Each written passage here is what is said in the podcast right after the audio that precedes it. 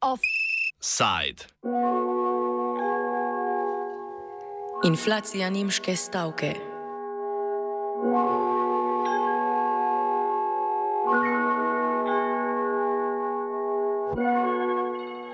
V ponedeljek je v Nemčiji potekala celodnevna opozorilna stavka zaposlenih v letalskem, železniškem in avtobusnem prometu.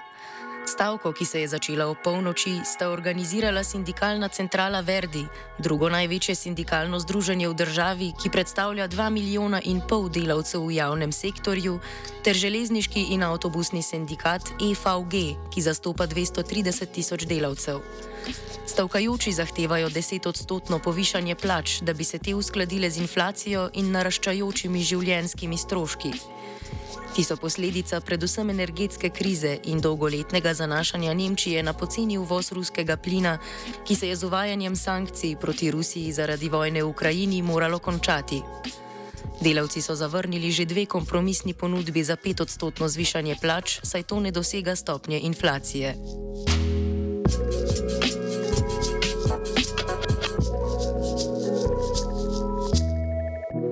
Zaradi stavke so v Nemčiji odpovedali večino letov, prekinjena sta bila železniški in avtobusni promet. Na frankfurtskem in minhenskem letališču so bili odpovedani vsi ponedeljkovi leti. Zaradi ustavitve javnega prometa je prišlo do večjih zastojev, saj so se morali ljudje zanašati na osebni prevoz, ponekod pa je bil promet onemogočen tudi zaradi protestnih zapor cest. Večjih gospodarskih posledic ta stavka sama po sebi ni imela, ker je bila napovedana vnaprej in je trajala samo en dan, tako da so se podjetja in prebivalstvo lahko na njo pripravili. Zahteve stavkajočih pojasni Julia Dam, novinarka portala Euraktiv. Strikes on Monday were about uh, public service workers that work in transport, so in railway, flight, and road transport.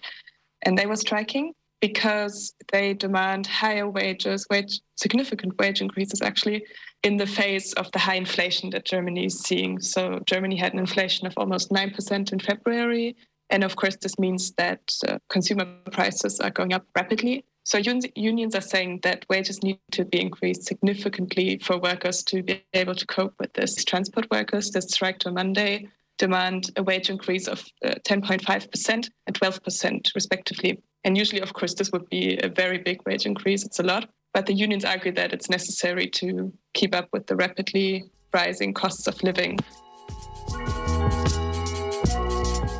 Srčiko spora med sindikati in delodajalci, ter kaj je posebnost aktualne stavke, pojasni Dam. This time, the demands and the employers' expectations are quite far from each other, and I think they're in a bit of a gridlock at the moment. So the next step will be that uh, an external mediator is brought in to mediate between the two sides. So then we have to see. But at the moment, it's um, it's quite polarized between the unions and the employers, and I think you could also see that in how far-reaching the strikes already were on Monday. It was quite quite unusual for Germany. It's not it's not like in France where such large-scale strikes are a bit the norm. For Germany, it's really unusual, and I think it it reflects how far from each other employers and unions are in this so far. So it's I think we can prepare for quite the showdown in the next few weeks.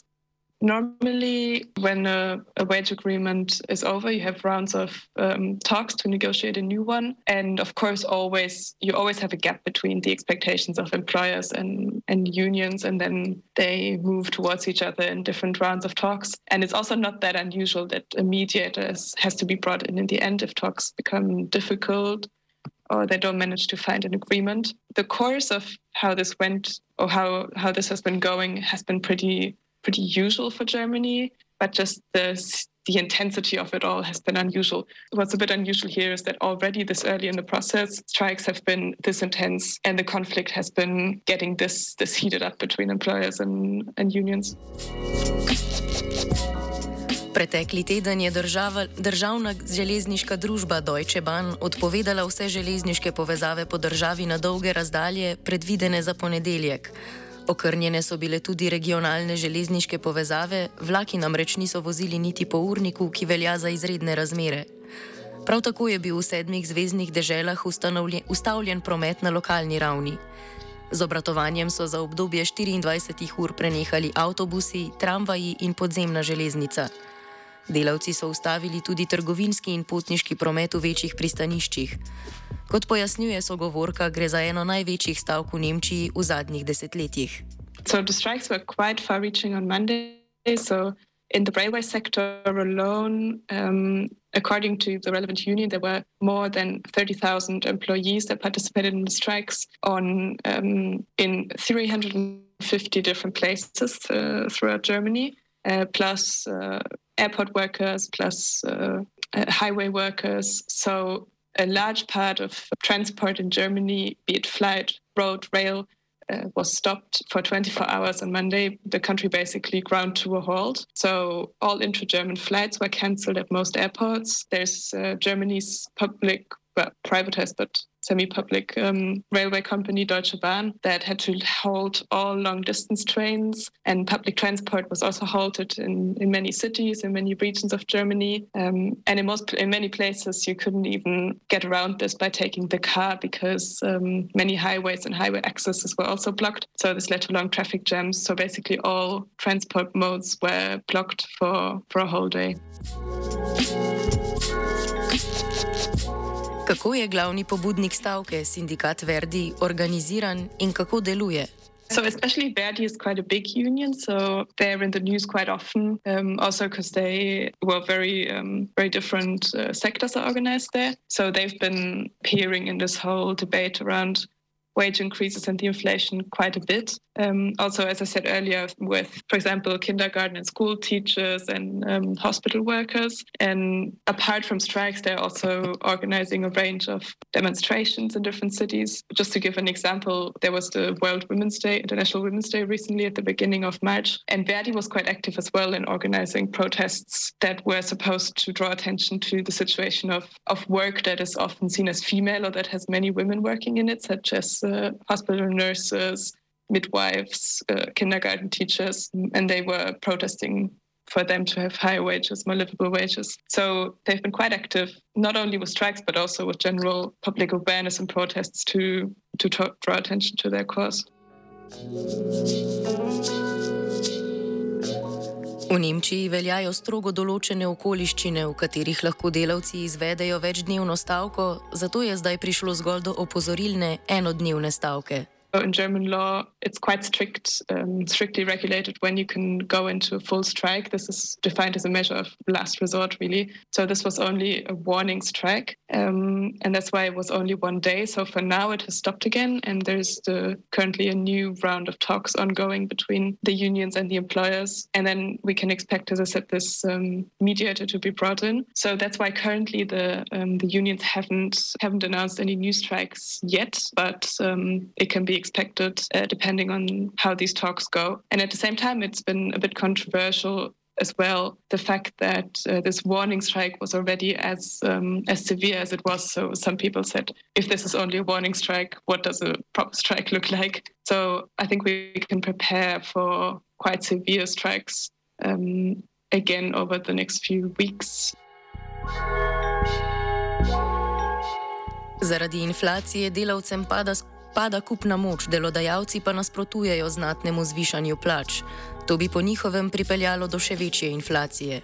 The intensity of this conflict is definitely linked to the cost of living crisis that we're seeing. There's this fundamental conflict in all wage talks that uh, employee, employees are saying and unions are saying we just we've been given a de facto um, wage decrease through inflation. If our wages stay the same, we're getting poorer because we can buy fewer things with the same wage, uh, significantly fewer things. So our welfare has been has been decreased de facto, and employers are saying, okay, fair, but we can't give you an inc- a wage increase that is as high as inflation is, because that way we just fuel the spiral of uh, this inflation spiral. So if we increase your, wa- your wages, you're going to buy more stuff, and then inflation is fueled more and more. So it becomes this kind of vicious cycle. So that's the the employer's um, argumentation in all of this.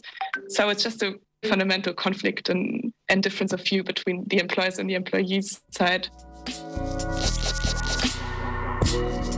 Ekonomist Torben Januš opisuje, kako je bila stavka sprejeta med Nemci, tako med zaposlenimi kot med splošnim prebivalstvom.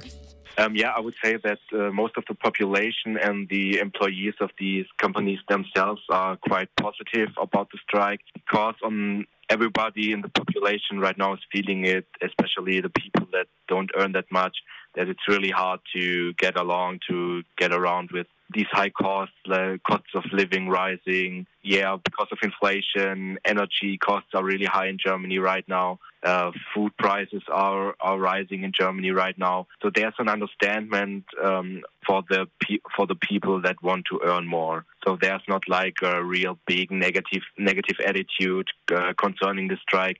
Maybe also because of the possibility to do home office right now. So a lot of people on Monday could just decide to stay at home and uh, don't uh, travel on Monday or don't drive to work on Monday. So this is maybe the main reason why there, because there's an alternative to traveling for at least um, a big part of the population uh, that is able to work from home. The employees see it as a chance to earn more and to solve this problem of inflation and to not be able to finance their lifestyle or to hold their lifestyle that they have right now. So, of course, there's a kind of understanding for the strike.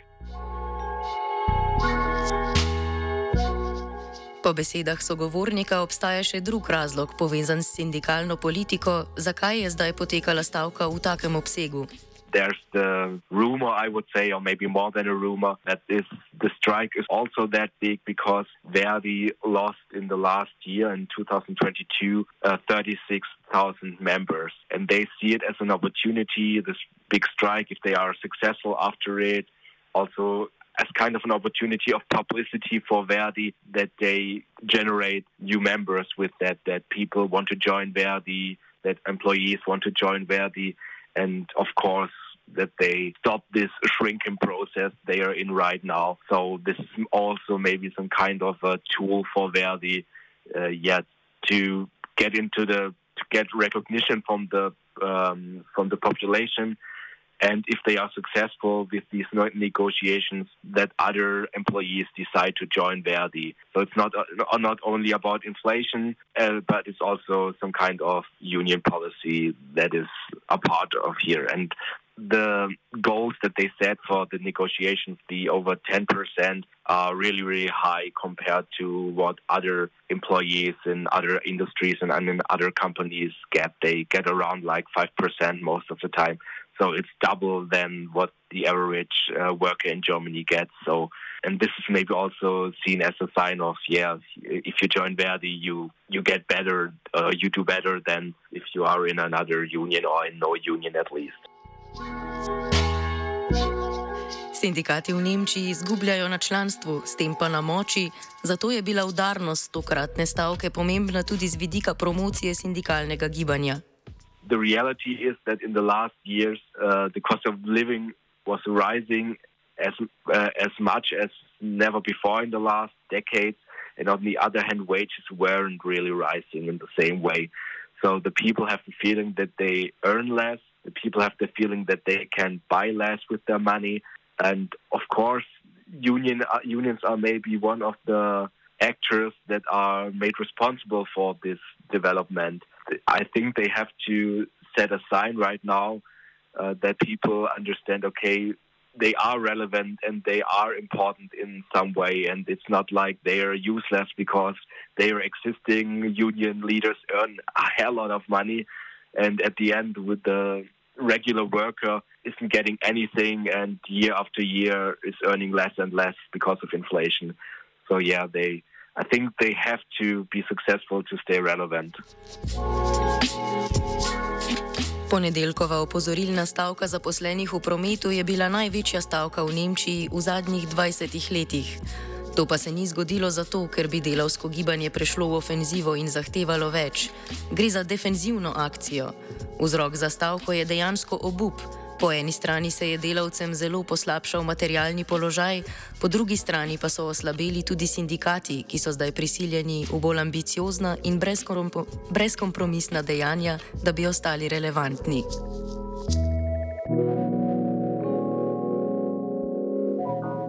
Offside je pripravil vajenec Matej, pomagala je Tija.